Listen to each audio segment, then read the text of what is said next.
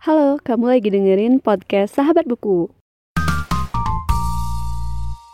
Halo semuanya dan selamat datang kembali di podcast Sahabat Buku. Bagi kamu yang baru pertama kali mendengarkan podcast ini, podcast Sahabat Buku adalah sebuah podcast yang membahas review buku dan pengalamanku saat membaca buku. Jadi ini adalah episode ke-26 dari tantangan 30 buat episode dan ini temanya adalah buku non-fiksi yang menarik. Jadi di sini aku merangkum beberapa buku non-fiksi yang menurut aku menarik untuk kamu baca dan bukan berarti yang lain gak menarik, cuma dari sekian buku yang aku udah baca gitu. Buku-buku ini rasanya cukup menarik dari segi judul dan juga pembahasan, jadi bisa kamu jadikan wishlist juga. Oke, lanjut aja ke daftarnya. Jadi di sini ada tiga buku yang sudah aku bahas di episode sebelumnya. Yang pertama Seni Hidup Minimalis karya Francine J. Ini udah ada episodenya. Dan selanjutnya ada Masih Belajar karya Iman Usman. Yang ketiga ada Filosofi Teras karya Henry Manampiring. Dan ada dua buku yang aku belum bahas tapi menarik banget untuk diikuti yaitu Make It Happen karya Prita Gozi dan yang terakhir The Lazy Genius Way karya Kendra Adachi. Jadi buat teman-teman yang tertarik untuk membaca bukunya, kamu bisa dengerin reviewnya di podcast Sahabat Buku dan juga baca review lain di Goodreads. Sekian dulu untuk episode kali ini. Terima kasih telah mendengarkan. Jangan lupa untuk follow podcast Sahabat Buku di Spotify, di Instagram dan juga Twitter. Terima kasih dan sampai jumpa.